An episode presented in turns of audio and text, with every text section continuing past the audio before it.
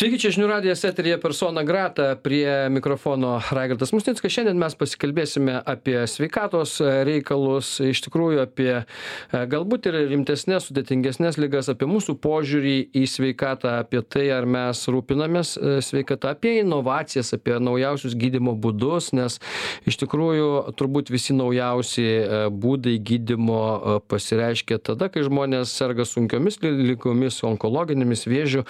Ir, ir čia kokioj vietoj yra mūsų šalis, apie tai turbūt mes irgi tą paliesime, nes šiandien pas mus laidoje e, naujasis nacionalinio vėžio instituto vadovas Valdas Pečiliūnas. Sveiki, Valdai. Labą dieną. Tai iš tikrųjų e, sveikiname su, su, su laimėjus konkursą, taip turbūt reikėtų taip. sakyti, ar ne konkursas, tai dabar turėsite laiko, e, kaip sakoma, e, pamatyti, kaip viskas veikia, bet jūs turėjęs reikalų su vėžio institutu anksčiau, ar ne? Netiesioginiu, aš visą savo gydytojo ir, ir administratoriaus karjerą dirbau santaros klinikose, bet santaros klinikas ir nacionalinio vėžio institutas skiria gatvę. Tai yra, taip. Mes taip vertinam, kad tai yra vieno medicinos miestelio dalis.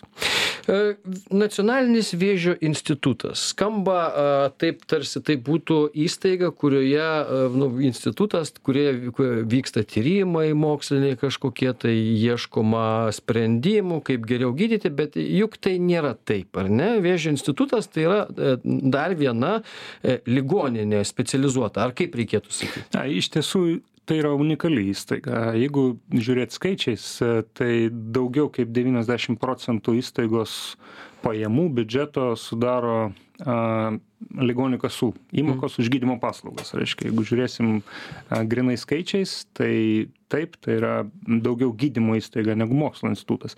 Bet kas yra unikalu tai nacionalinis vėžio institutas turi ir profesionalių mokslininkų grupę tai yra vadinamus mokslo padalinius mokslines laboratorijas kitose gydymo įstaigose to nėra gali būt kai kuriose įstaigose atskiri mokslininkai bet šioje vi šitoje įstaigoje yra ir gydytojai kurie daro mokslinius tyrimus ir profesionalūs mokslininkai kurie nėra gydytojai bet jie dedikuoja savo veiklą mokslui. Ir yra finansavimas kaip mokslo institucijos biudžetinis reiškia. Mes finansus uždirbam teikdami ir asmens sveikatos priežiūros paslaugas daugiau kaip devyniasdešim procentų mūsų pajamų bet taip pat gaunam ir atskirą finansavimą vykdyti mokslo tyrimus vėžio srityje brangi liga vėžys yra? E, labai brangi jau dabar ir brangsta, bet aš turėčiau pasakyti, tai nėra vienreikšmiškai bloga mm. tendencija. Kodėl? Nes pažanga kainuoja, mokslo pažanga kainuoja ir medicinos mokslo pažanga yra didžiulė, bet didžiulė dėl to, kad yra investicijos. Nu, tarkim, mes turim labai labai talentingus vaikus baigusius mokykloje ar jie renkasi kur stoti vienas jeigu jeigu mes tarkim finansuojam išmaniųjų prietaisų reiškia gamybą nežinau autonominius automobilius jeigu ten yra geriausios karjeros perspektyvos didžiausi pinigai didžiausi finansavimai geriausios galimybės išnaudot savo potencialą ir savo idėjas realizuot žmonės ten nueina. Jeigu finansuojam mediciną jeigu ten ateina dideli ištekliai atitinkamai tai reiškia kad yra galimybės vykdyti mokslo tyrimus galimybės realizuot savo idėjas. Reiškia ten žmonės eina. E, gali uždirbt pinigus išlaikyt šeimą ir realizuot savo idėjas. Tas galiausiai gula ant vartotojų pečių brangiom medicinos technologijom nes jas sukurt kainuoja daug pinigų. Ir reiškia jeigu telefoną tą patį modelį gali na praktiškai kiekvienas žmogus nusipirkt a kuo toliau tuo labiau medicina tampa personalizuota. Kai nu nedidelei žmonių grupei reikia sukurti labai labai sudėtingas technologijas vos ne kiekvienam asmeniškai. Tu nepadarysi milijardui žmonių tos pačios technologijos labai dažnai ir ypatingai mes kalbam apie vėžį. Reikia padaryti kažkokiem ten kažkiek tai tūkstančių žmonių galbūt dešimčių tūkstančių žmonių dažnesniais atvejais nu milijonai žmonių. Dėl to tos technologijos yra brangios ir jas sukurti reikia labai didelių investicijų. Mm, didžioji dalis šitų investicijų sukuriama tarkim privataus verslo. Nors tarkim personalizuotoj medicinoj ar reiškia iš tiesų labai svarbios ir viešos investicijos. Ir ir a jungtinių valstijų iniciatyva olavas, reiškia Kinijos didžiulės investicijos, ES investicijos personalizuotos medicinos rytyje yra labai didžiulės ir šiuo metu vertinama, kad netgi ir šiek tiek lenkia verslo investicijas. Bet, na, tikimasi iš tikrųjų, kad tos viešos investicijos išjudins personalizuotą mediciną, ateis ir verslo ištekliai ir pajudėsim. Bet galiausiai aš kalbu, kad taip mes mokam brangiai už technologijas bet dėl to jos ir atsiranda dėl to jos ir judina visą mediciną į priekį dėl to atsiranda viltis sunkiem pacientam gauti labai labai brangius vaistus. Jūs atėjote vadovauti mhm. vėžio institutui. Šiaip na kokias problemas pamatėte? Ar ar pamatėte vėžio institute kažkokių dalykų kuriuos reikėtų keisti smarkiai kažką labai patobulinti? Kas tai galėtų aš gal iš tiesų septinta diena esu mhm. vadovas tai gal anksti kalbėt apie kažkokius didelius atradimus iš tiesų kalbu su žmonėm bandau suprasti jų lūkesčius jų problemas iššūkius su kokiais susiduria reiškia moralę motyvaciją tai yra šiai dienai mano užduotis yra tiesiog suprasti aplinkybės Manau, kad tam tikros problemos, kurios galbūt ir visai sveikatos priežiūros sistemai reiškia, yra būdingos, jos nebejotinai yra ir nacionaliniam vėžio institutė. Iš vienas dalykas, reiškia, kur, kur galbūt norėčiau įvardinti, tai net ne problema, bet galimybė, kuri galėtų būti labiau išnaudota. Iš tiesų, kai mes turim uh, profesionalius mokslininkus ir kliniką šalia pacientus, gydytojus, klinicistus, slaugytojas. Tai yra labai unikali galimybė padėti žmonėm daugiau, vystyti mokslą, atnešti naujausias technologijas į Lietuvą. Ir galbūt aš tikėjausi, mano lūkestis buvo, kad to tokio bendradarbiavimo yra daugiau negu yra. Bet bet kokiu atveju tai yra unikali, unikali galimybė, unikali institucija ir čia yra tikrai didelės galimybės dar judėti stipriai į priekį. Tai Bet gal... aišku, visą laiką reikia pinigų tam judėjimui ir, ir man tiesiog įdomu, aišku, čia turbūt jūs ne ne nesat tas kuris čia labai politikuotumėt bet šiaip vat kiek aš daugelį metų stebiu situaciją ne tik vėžio institute bet apskritai e, kalbant apie mediciną tyrimus apie a naujausių vaistų pasiekiamumą mūsų šalies apie vaistų retom ligom gydyti ką girdim e, nuolat tai kažkaip mm, sunku pasakyti kokioj čia mes vietoj esame pasaulyje. Ar mes labai atsiliekam ar ar ar labai trūksta mums pinigų ir ir ir ir ar vis politikai supranta kad reikėtų čia daugiau to finansavimo?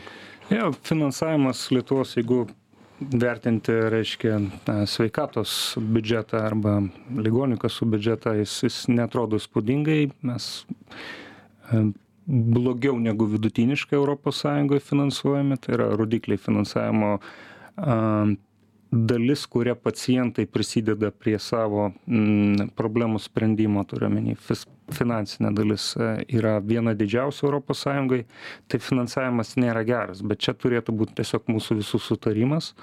Reiškia visuomenės politikų kad sveikatos sektorius turi būti adekvačiai finansuojamas. Vertinama kad apie dešim procentų ne tai kad vertinama bet pavyzdžiai šalių reiškia kur galbūt sveikatos priežiūros sistemos rodikliai geriausi yra apie dešim procentų skiriama nuo bendro vidaus produkto. Lietuvoj tas skaičius gerokai žemesnis ir dar nemaža dalim papildomas būtent iš pacientų reiškia išleidžiamų lėšų savo gydymui tai lėšų fin finansinių ir finansavimo tikrai sveikatos sektoriui nėra per daug ir jeigu mes norim savo piliečiam arba lietuvą nupirkti naujausias technologijas naujausius gydymus tai tiesiog turim turim na o o tų naujausių kokių reikia? Nes nes man atrodo kad vis tiek e, po truputėlį žingsnis po žingsnio visą laiką kalbam kad ten trūksta kažkokių tai aparatų dar dar to ano ir ir kai e, kalba eina nu gal jau pagaliau apsirūpinom viskuo ar dar ne? Ko ko labiausiai trūksta? Matot medicinos progresas yra labai greitas. Na ir jeigu mes turėjom ligą kur tarkim na prieš tarkim dešim metų buvo vienas brangus vaistas ir ir ten dešim pigių. Šiai dienai mes turim dvidešimt e, inovatyvių vaistų imunoterapijos taikinių terapijos aš kalbu apie vėžio sritį. Reiškia kurių kiekvienas kainuoja na tarkim šimtas du šimtai tūkstančių gydymo kursas vienam pacientui kai kuriais atvejais reikia derint kelis brangius reiškia gydymus ir kai kuriais atvejais kartotinai reikia gydyt. Tai vieno paciento gydymas gali kainuot pusę milijono milijonas ir daugiau. Ir tai yra keičiasi dėl ko? Dėl to kad vystosi technologijos. Reiškia jeigu a aš žinau kad už penkių metų tų galimybių bus dar daugiau ir jas vėlgi turėsim skirt pakankamai lėšų kad kad jas įsigyt tai a finansavimo poreikiai auga labai labai greitai. Ir jeigu mes tiesiog na laikomės tokio nuoseklaus augimo biudžeto tai mes kuo toliau tuo labiau atsiliekam. Tiesiog technologijos vystosi jas reikia nupirkti ir nupirkti su tokiu finansavimu kaip dabar jeigu didinsim ten pagal reiškia mūsų ekonominį išsivystymo augimą bendro vidaus produkto augimą greičiausiai kad tas skirtumas tarp to ką turim ir to kas yra tik didės. O čia kalba eina valdai apie išgyvenamumą. Aš turiu omeny žmogaus nu žinot nu visų mes technologijų ten su jais vokiečiais galbūt nespėsim kurie patys gamina kur ten arba amerika ar ne kurie patys ir sukuria sugalvoja paga gamina e, visą laiką vis tiek mes būsim kažkur e, bet ir, ir turbūt neturėsim tiek pinigų, kiek išsivyščiusios šalis, bet, bet kokiu atveju, nu, jeigu galima ten išgydyti, sakykime, vėžį lėčiau, tai svarbu išgydyti. Ar čia eina kalba apie technologijos, kurios e, tarp mirties ir, ir, ir, ir gyvybės pastato klausimą? Lietuvoje iš tiesų yra mm, įdėkta tokia farmakoekonominio vertinimo sistema, kai mes, kai mūsų valstybė, priima sprendimus pagal tai kiek konkrečiai vienas ar kitas gydymas žmogui suteikia kokybiško gyvenimo metų.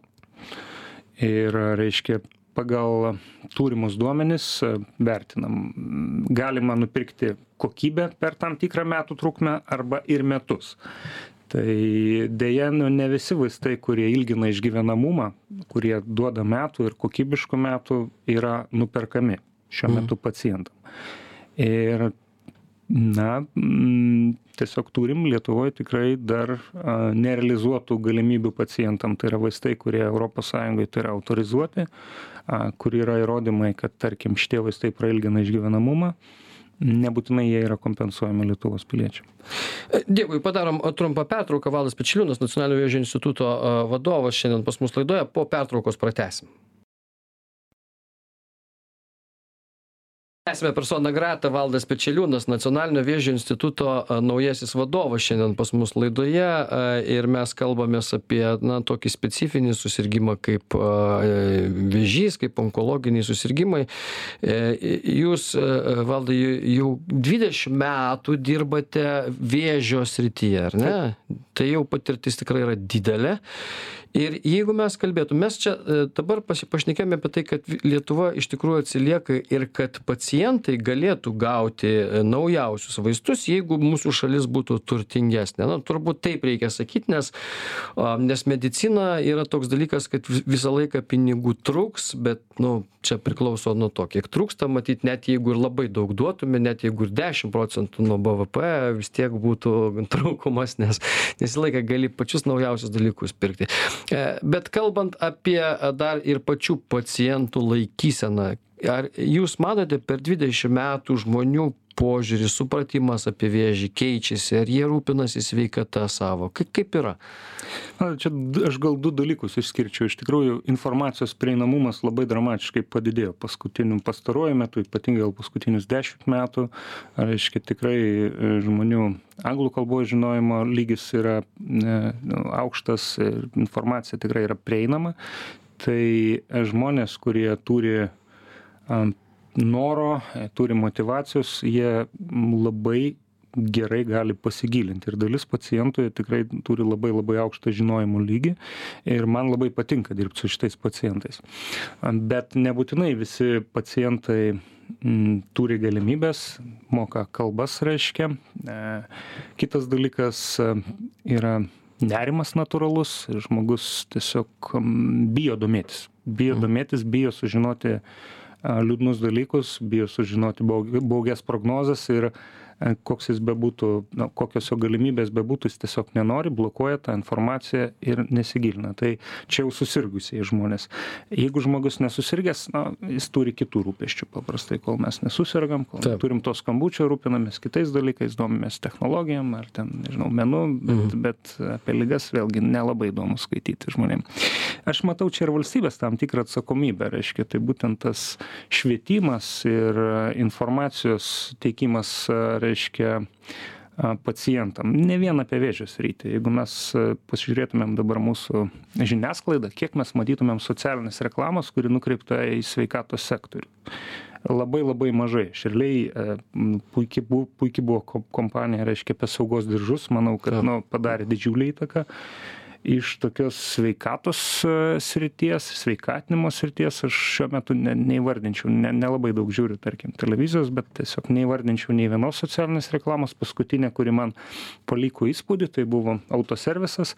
Meistras pasiima kažkokią tepalą pasižiūri kad nelabai geras meta lauk pasiima gerą ir mhm. pila į variklį. Tada apsisuka ir pasiima nu patį nesveikiausią maistą kemša į burną ir jam viskas gerai. E, tai tokių paveikių dalykų nėra. Ir aš manau kad nu valstybė šitoj vietoj turėtų čia, o jūs matėt pasaulyje, pavyzdžiui, pa, tokios socialinės reklamos pavyzdžių, kur čiagi nereikia net, kaip sakyti, išradinėti dviračio turbūt, ar ne? Nebūtinai reikia čia mūsų kre, kreatyvinių veikėjų, kurie sukurtų kokią tai specifinę programą. Jeigu e, reklaminį kokį tai ten, nežinau, klipą, jeigu tai veikia pasaulyje, yra tai tiesiog galima adaptuoti ir, ir viskas. Gal, garsus yra dalykas Šiaurės Korelijos, toks na, mm, programa, kur Suomiai turėjo galbūt patį didžiausią mirštamumą pasaulyje dėl kardiovaskulinių priežasčių. Ir vienas gydytojas, reiškia, tiesiog nusprendė, kad nu, žmonės turi keisti gyvenseną ir jis tikrai įdėjo labai labai daug pastangų, kad per visus kanalus žmonės gautų informaciją apie tos dalykus, kurie apsaugo nuo kardiovaskulinių rizikos faktorių, kas tai yra rizikos faktoriai, kaip reikia valgyti, kaip reikia judėti. Nu, ir ta programa galiausiai išplito visoje Suomijoje, ta informacinė, ir Suomija šiuo metu turi vienus iš geriausių kardiovaskulinių mm. lygų rodiklių, arba nu, tai dramatiškai pagerėjusius. E, užsienio šalyse tikrai na nuvykus įsijungus programas nu mes matom kad yra skiriamas dėmesys yra socialinė reklama Šiai dienai turim, tarkim.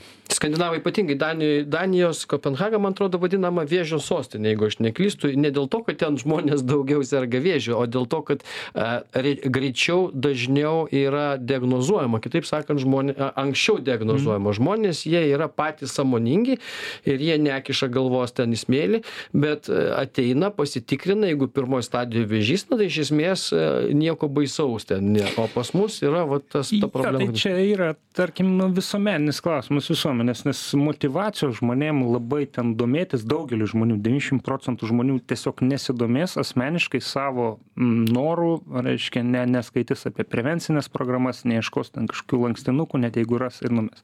Reiškia turim turim rasti būdą kaip ta informacija pasklistų visuomenėj tai tie patys patrauklūs socialinės e, reklamos klipai reiškia kita patraukli informacija kuri kuri kuri nu tiesiog perteikia žaismingai galbūt negrėsmingai tuos dalykus kaip mes turim elgtis kad būtumėm sveiki ką mes turim padaryt kad galėtumėm nustatyt ligas anksti ir atitinkamai turėt geresnį šansą išgydyti tai labai svarbu o gal imperatyvai galėtų veikt tam tikri na e, pavyzdžiui e, skiria daktaras šeimos gydytojas nu su juo vienaip ar kitaip mes susiduriam ten dažniau. Ir ir jisai pasako tau priklauso dabar ta ta ta programa ir tu turi ten į ją nueiti. Nenueini ne kaip ten sakė neduoda teisių, neduoda paskolos. Nu, aš čia, aš aišku, trinuoju, tai bet juk svarbiausia yra pagauti lygą. Juk tai yra ten socialinė reklama gražu yra visą tai, bet žmogų reikia nu, vis tiek kažkaip tai pradėti. Mokestinės lengvatos reiškia, ar, nu, tarkim, bankui greičiausiai aktualu, kad e, skolininkas, reiškia, atiduotų tą paskolą. Tai jo, aš sutinku, reiškia, kad galėtų būti tam tikri imperatyvūs mechanizmai, bet na, mes vėlgi turim paruošti visuomenę. Jeigu dabar teisim ir pasakysim, ką tik pasibaigus kovido ribojimam kad mes čia dar kažkokias drakoniškas priemones įvedam ir kad žmonės e, negali elgtis taip kaip jiem atrodo reikalinga nėra tos laisvės priimt sprendimą. Aš aš aš nesu linkęs. Aš manau kad mes turim a motyvuot žmones gyvent sveikai pasakyti kad yra būdai kaip išvengti ligų. Nieks nenori sirgti. Tikrai nieks nenori sirgt bet taip jau yra kad daugelis žmonių galvoja kad susirgs kiti bet ne jie taip ir tokių dar daug žmonių yra kurie sako vat kai susirgsiu tada ir žiūrėsiu. Ir aš tokių pažįstu ne vieną savo draugą kurie taip mąsto ir kai susirgs tada žiūrės. E, padarom trumpą pertrauką valdas pečeliūnas nacionalinio vėžio instituto vadovas. Šiandien pas mus laidoje po pertraukos pratęsim tęsiame persona grata valdas pečeliūnas nacionalinio vėžio instituto vadovas naujasis. Mes šiandien a na gilinamės aišku ne tiktai į pačio vėžio instituto darbą kas matyt valdui dar yra yra kaip sakoma laiko bus dar įsigilinti nes čia tik savaitė kaip vadovauja bet iš kitos pusės apskritai kadangi pats valdas daug metų dirba onkologijos srityje tai dvi dvidešim metų jau tai tai iš esmės apie apskritai žmogų žmonių požiūrį į ligas į viską mes bandom suprasti. Ir ir jeigu kalbėt apie vėžio tą patį institutą tai vat žmonės mes sakėme jie patys ne ne nu dar nesuvokia kaip svarbi yra jų sveikata. Ir ir kad tai galėtų būt kažkokie socialiniai dalykai kurie aiškintų kad sveikam žmogui yra gyventi gerai. Nu tai čia savaime suprantama. Bet kitas dalykas kaip priversti žmogų nebijoti mm, tirtis, nes visą laiką tai yra, nu, maždaug, o, tai suras ką nors. Ir, ir gal ir suras, bet dabar suradimas yra nebe pats baisiausias dalykas, ar ne, iš tikrųjų? Neradimas yra pats baisiausias dalykas, nors, suprantame, žmogus vis tiek, mes puikiai žinom, kad visi esam mirtingi ir čia bus ne vienintelis dalykas, šimtaprocentinis medicinoje šiuo metu, a, reiškia, kur, kur mes tikrai žinom, kad negyvensim amžinai ir bus greičiausiai kažkokios ligos, tai šios dienos medicina leidžia išvengti labai daug problemų, leidžia išlaikyti gyvenimo kokybę vis ilgiau ir ilgiau, išgydyti daugelį lygų. Ir problema yra neaptikimas kažkokios lygos. Ir jeigu kalbam apie vėžį, tai tas ypatingai yra ryšku. Tai yra prevencinės programos, yra kartais ir žmogaus pojūčiai, kur, kur juos reikėtų atkreipti dėmesį, bet a, prevencinės programos, taip pavadinkim, taip įrodymais pagristos programos, kur mes žinom, kad atlikę tam tikrus tyrimus, e, gausim daugiau naudos negu tie mm. tyrimai mum ten kainuos ir e, galimos kažkokios ten šalutinės reakcijos tų tyrimų sukeliamos. Tai minimalus, reiškia, Lietuvos piliečio požiūris į savo sveikatą turėtų būti atlikti privalomus tyrimus ir sudalyvaut prevencinėse programose nes nu tos prevencinės programos iš tiesų yra pagrįstos ir jos padeda išvengt pačių pačių bjauriausių problemų tikrai dideliam kiekiui žmonių. Ir iš jų keturios yra būtent susijusios su vėžiu. Tai yra prostatos e, vėžys tai yra gimdos kaklelio vėžys tai yra storosios žarnos vėžys ir krū krūties krūtų vėžys, ar ne? Ir dar viena programa širdies kraujagyslių, nuo kur, kurių mirtingumas yra didžiausias, jinai nesusijusi su vėžiu, irgi tokia yra, bet vat, keturios yra būtent susijusios su vėžiu. Ar jūs kažkaip, nu vis tiek per tiek metų, mm. žmonės naudojasi tomis programomis, jas, jas eina, tikrinasi? Tikrai taip ir šitoj vietoj valstybė iš tiesų kuo toliau skiria tuo daugiau dėmesio. Buvo investicijos į koordinacinius centrus ir atsirado lietuvoj keli koordinaciniai centrai kurie bus atsakingi už informacijos siuntimą kiekvienam piliečiui. Reiškia apie tai kad jam jau reikėtų pasitikrinti ta veikla yra prasidėjus. Labai tikiuosi kad jau ateinančiais metais na žmonės sulaukę tam tikro amžiaus gaus asmeniškai pranešimus kad jiem reikėtų pasitikrinti. Tai aš labai labai paskatinčiau nenumoti ranka, jeigu gavo tokį pranešimą, ar per šeimos gydytoją, ar kitų kanalu reiškia tiesiog prašyčiau sureaguot ir padaryt tai kas priklauso nes tai yra gera galimybė išvengti labai labai nemalonių problemų ateity. Ar čia tie pranešimai vat aš bandau suprasti iš kur ateidavo pas mane pranešimai nes ir ir gal net ne visada nes šeimos gydy taip šeimos gydytoja dažniausiai komunikuoja bet bet gi nuo šeimos gydytojo priklauso daug ar jis prisimena ar jam yra privaloma pranešti savo pacientams. Kita vertus fu gali tu turėt šeimos gydytoją šimtą metų pas jį nenueiti tiesą sakant. Nu aš sveikas. Mhm. Jo, tai šiai dienai tikrai didžiausia atsakomybės dalis tenka šeimos gydytojams informuoti pacientus apie prevencinės programas na, ir e, viešosios ir kai kurios privačios įstaigos e, organizuoja atitinkamus patikrinimus pacientam. Yra ten niuansų, yra niuansų, tarkim, su šitų paslaugų rentabilumu, na, ir reiškia, bet galbūt didžiausia problema yra vis tik tai kad, e, na, žmonės Lietuvoje neskuba pasinaudotom prevenciniam programom. Galimybės yra sudarytos, aš tikiu kad dauguma šeimos daktarų a jie puikiai žino kuriem a savo apylinkės ar savo savo reiškia pacientam jie turėtų išsiuntinėt nes yra labai labai konkretūs kriterijai kada vienas ar kitas žmogus turi nuvykti. Tai yra amžius ir periodiškumas lytis.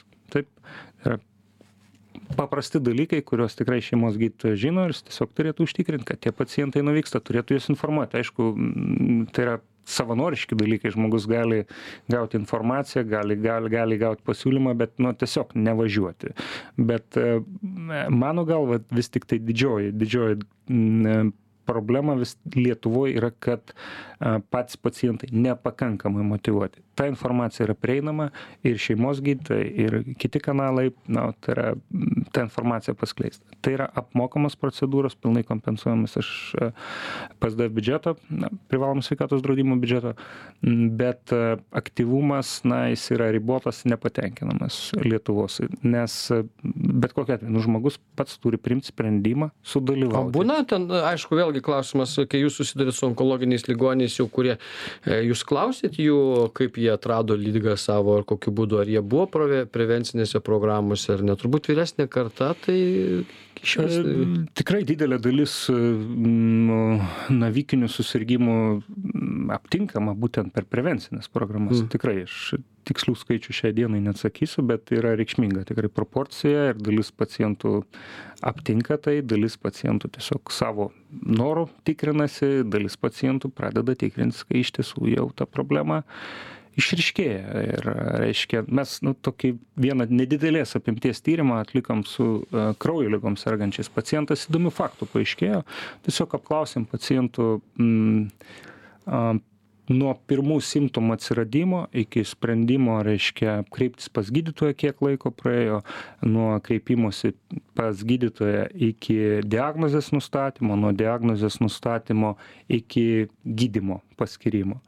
A iš tiesų labai ilgas laikas buvo nuo pirmų simptomų iki kreipimosi į gydytoją tiesiog tas laikas nes kraujo ligos iš tikrųjų labai dabar mes čia daug tos turim tokios socialinės ne ne kaip čia nepri savanoriškos socialinės reklamos nes čia influenceriai įvairiausi sirgo tom kraujo ligom bet vat su kraujo ligom yra simptomatiką yra labai sunku suprast. Jeigu ten su prostatos vėžiu sakykim jau žmogus ten kai pradeda kraujai šlapintis ar dar ką nors ten aišku arba krūties ten kažkokį užčiuopė darinį tai kiek su kraujo ligom tu gali pastebėti nu ten kraujo vėžys yra tie prakaitavimai naktiniai turbūt ten tam tikri simptomai kažkokie atsiranda. įvardijam kaip nespecifiniai simptomai. nespecifiniai bet nespecifiniai bet iš principo na a žmogus tai nurašo nu nuovargis kažkoks čia dar kažką. Mes e, matot bet kokiu atveju matosi kad žmogus jau jaučia simptomus ir koks jo yra sprendimas eit pas gydytoją ar neit. Ir reiškia e, tam tikri faktoriai a tą sprendimą arba pirmą vizitą pas gydytoją nutolindavo. Pavyzdžiui savigyda. Jeigu žmogus vietoj to kad eitų pas gydytoją ir pradėtų tirtis kas jam yra pradeda gydytis. Na kažkokių vaistų ten kaimyno paklausia čia gal dar kažkokių draugų. Tai tas reikšmingai reikšmingai patikimai nutolino laiką iki diagnozės ir gydymo.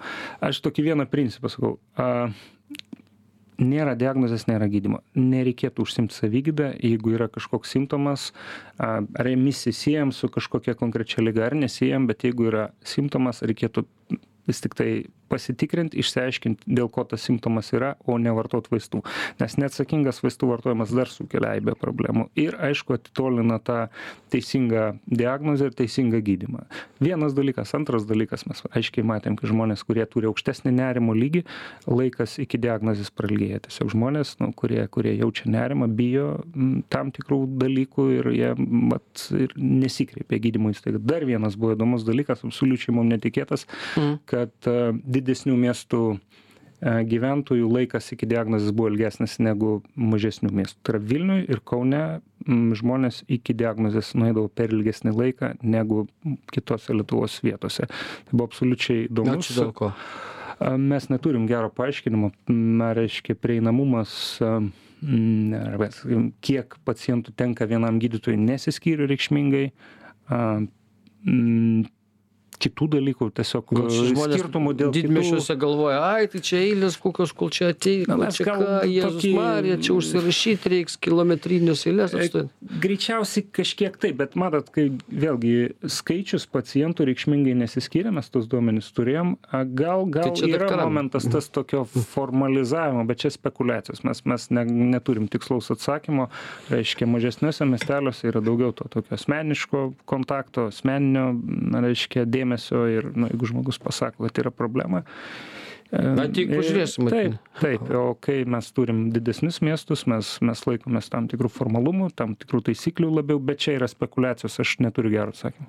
E, Toks klausimas man visą laiką, e, kai skaitai apie kokius nors labai ten turtingus ir žymius žmonės, e, kurie e, gauna kokį nors ten lygą, vėžį ypatingai, e, kažkaip jie nepasitikė savo šalies mediciną, aš turiu omeny ne tik tai Lietuvoje, bet ir turbūt ten mažesnėse valstybėse, kurios dar iš posovietinio lagerio neseniai iššokusios.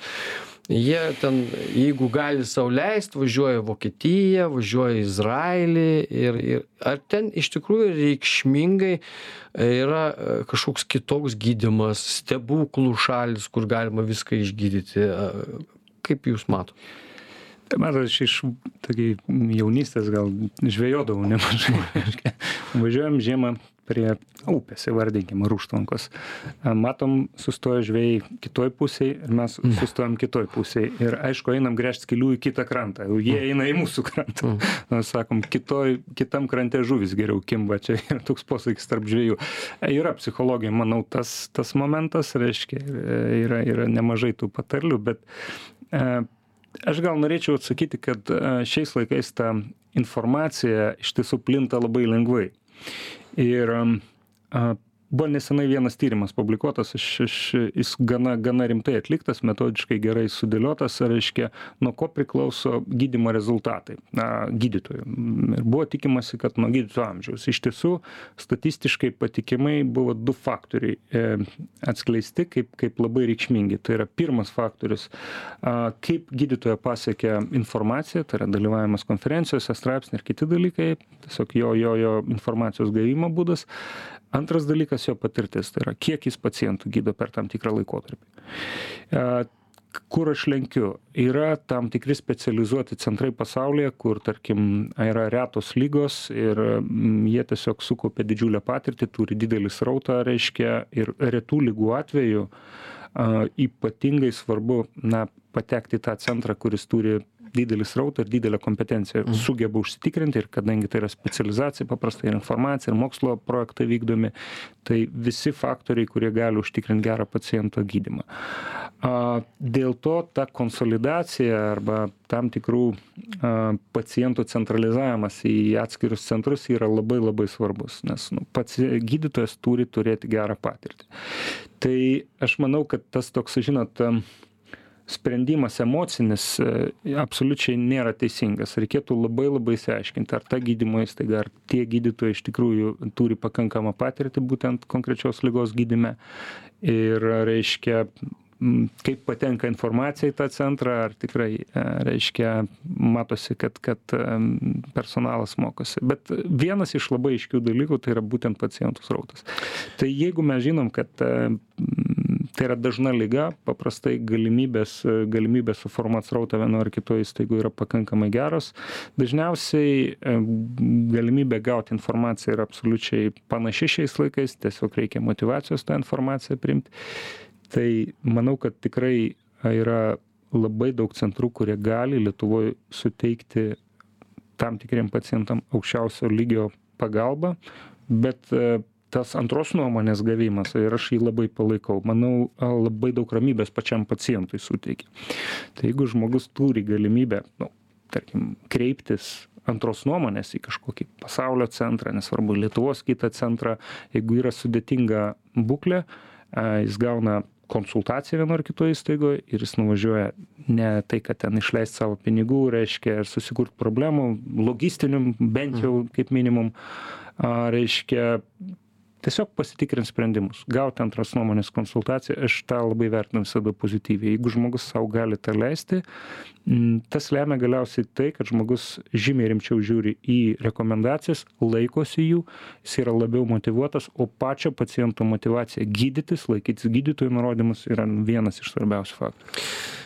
ta daug susirgimų aišku sako nuo nu aš jau nekalbu apie žalingus įpročius kokius nors tai ten apie tai nėra net kalbos turbūt ten rūkymas e, alkoholis ir taip toliau taip toliau bet šiaip ir pati mityba tai yra vat jūsų akimis žiūrint kiek žmonės dabar yra edukuoti mitybos klausimais nes jie įsivaizduoja kad visas ligas sukelia vien tik žalingi įpročiai o mityba nu ta tarsi čia kažkaip taip yra bet bet kiek produktų ant mūsų prekystalių guli kurie yra tiesioginiai visokie kancerogenai ir taip toliau tai turbūt mažai kas žino. Netgi nebūtinai kancerogenai bet valgant juos įvairiais kiekiais tai ten ir kepenų suriebėjimai ne tiktai nuo alkoholio gali būt ir daug kitų dalykų. Jūsų akimis žiūrint ar vyksta čia revoliucija kažkokia? Matot aš jau pradėjom tą diskusiją nuo to kad informacija šiais laikais yra labai plačiai prieinama. Klausimas motyvacija nu priimt tą informaciją gaut ją. Taip yra žmonių kurie yra ypatingai įsigilinę ir labai gerai žino a reiškia ir yra žmonių kurie kurie nu tarkim nekreipia į tai dėmesio. Tai manau kad na lietuva kaip kaip valstybė tikrai turėtų didesnį dėmesį skirti žmonių edukavimui kas tai yra sveika mityba socialinei reklamai kad tie dalykai ateitų iki ne vien mityba ir ir fizinis aktyvumas yra absoliučiai svarbus ne mažiau svarbus kai kuriais atvejais gal ar kai kuriais amžiaus tarpsniais net ir svarbesnis gali būt už mitybą. Žalingų įpročių nebuvimas. Tai tikrai a vien tikėtis kad žmonės pasinaudos prieinamais šaltiniais domėsis ir skaitys manau ne nepakanka. Dalis žmonių kurie tą daro jie daro bet kiti nedaro.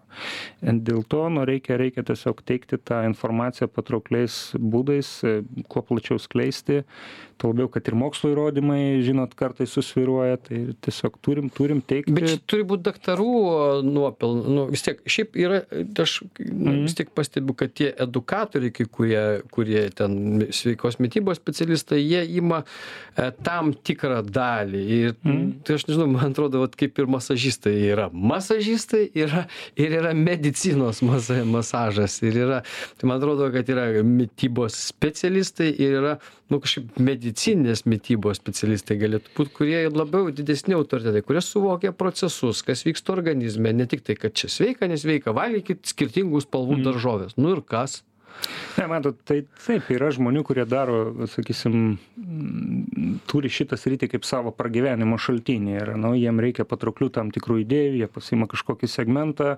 reiškia turi prekės ženklą ir nu daro verslą.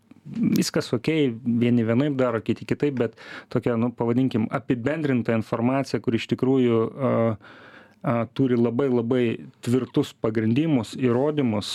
Manau kad jin turėtų būt teikiama visiem lietuvos žmonėm labai labai prieinamai ir na tiesiog kad kad tai bent jau nacionaliniai transliuotojai skirtų pakankamai dėmesio šitam dalykui per socialinę reklamą per galbūt tam tikras temines laidas. Bet į laidas vėlgi žmonės žiūri taip žinot įsijungia arba ne. Dalis įsijungia dalis ne. Tai jeigu socialinę reklamą galbūt galima ir komercinėse žiniasklaidos kanaluose tiesiog pirkt šituos dalykus manau kad tas yra svarbu tas yra pasiekiama a bet dėmesio tam tikrai daugiau reikia Nedaug laiko liko, porą minučių. Kaip jūs vertinate apskritai medicinos darbuotojų, aš turiu omeny gydytojų dėmesį pacientui. Mes ne nesam ne paslaptyje kad medikai uždirba mažai dėl to jie dažnai suirzę pikti ir ta prasme jiems atrodo kad smarkiai persidirba greičiausiai taip ir yra. Ar tas kokie čia būdai galėtų būt spręsti? Ir antras dalykas nu vis tiek jeigu žmogus jisai susirgo kokia rimta liga jam visą laiką trūksta tos informacijos o dabar toks vyksta konvejeris dešim minučių atėjai kitas sekantis jau kitas už durų laukia nieko nespėjo paaiškint žmogus atėjo dar daugiau klausimų jam kilo galvoj ir ir jis išėjo toks nieko nežinodamas tada kreipiasi į internetą o ten prasideda Jo, yra toks labai labai žinomas žmogus, bent jau jungtinėse valstijose, medicinos pasaulyje, Erik Topol. Vienas iš, iš tokių dirbtinio intelekto propaguotojų sveikatos priežiūrai personalizuotos medicinos, vienos iš didžiausių programų vadovas.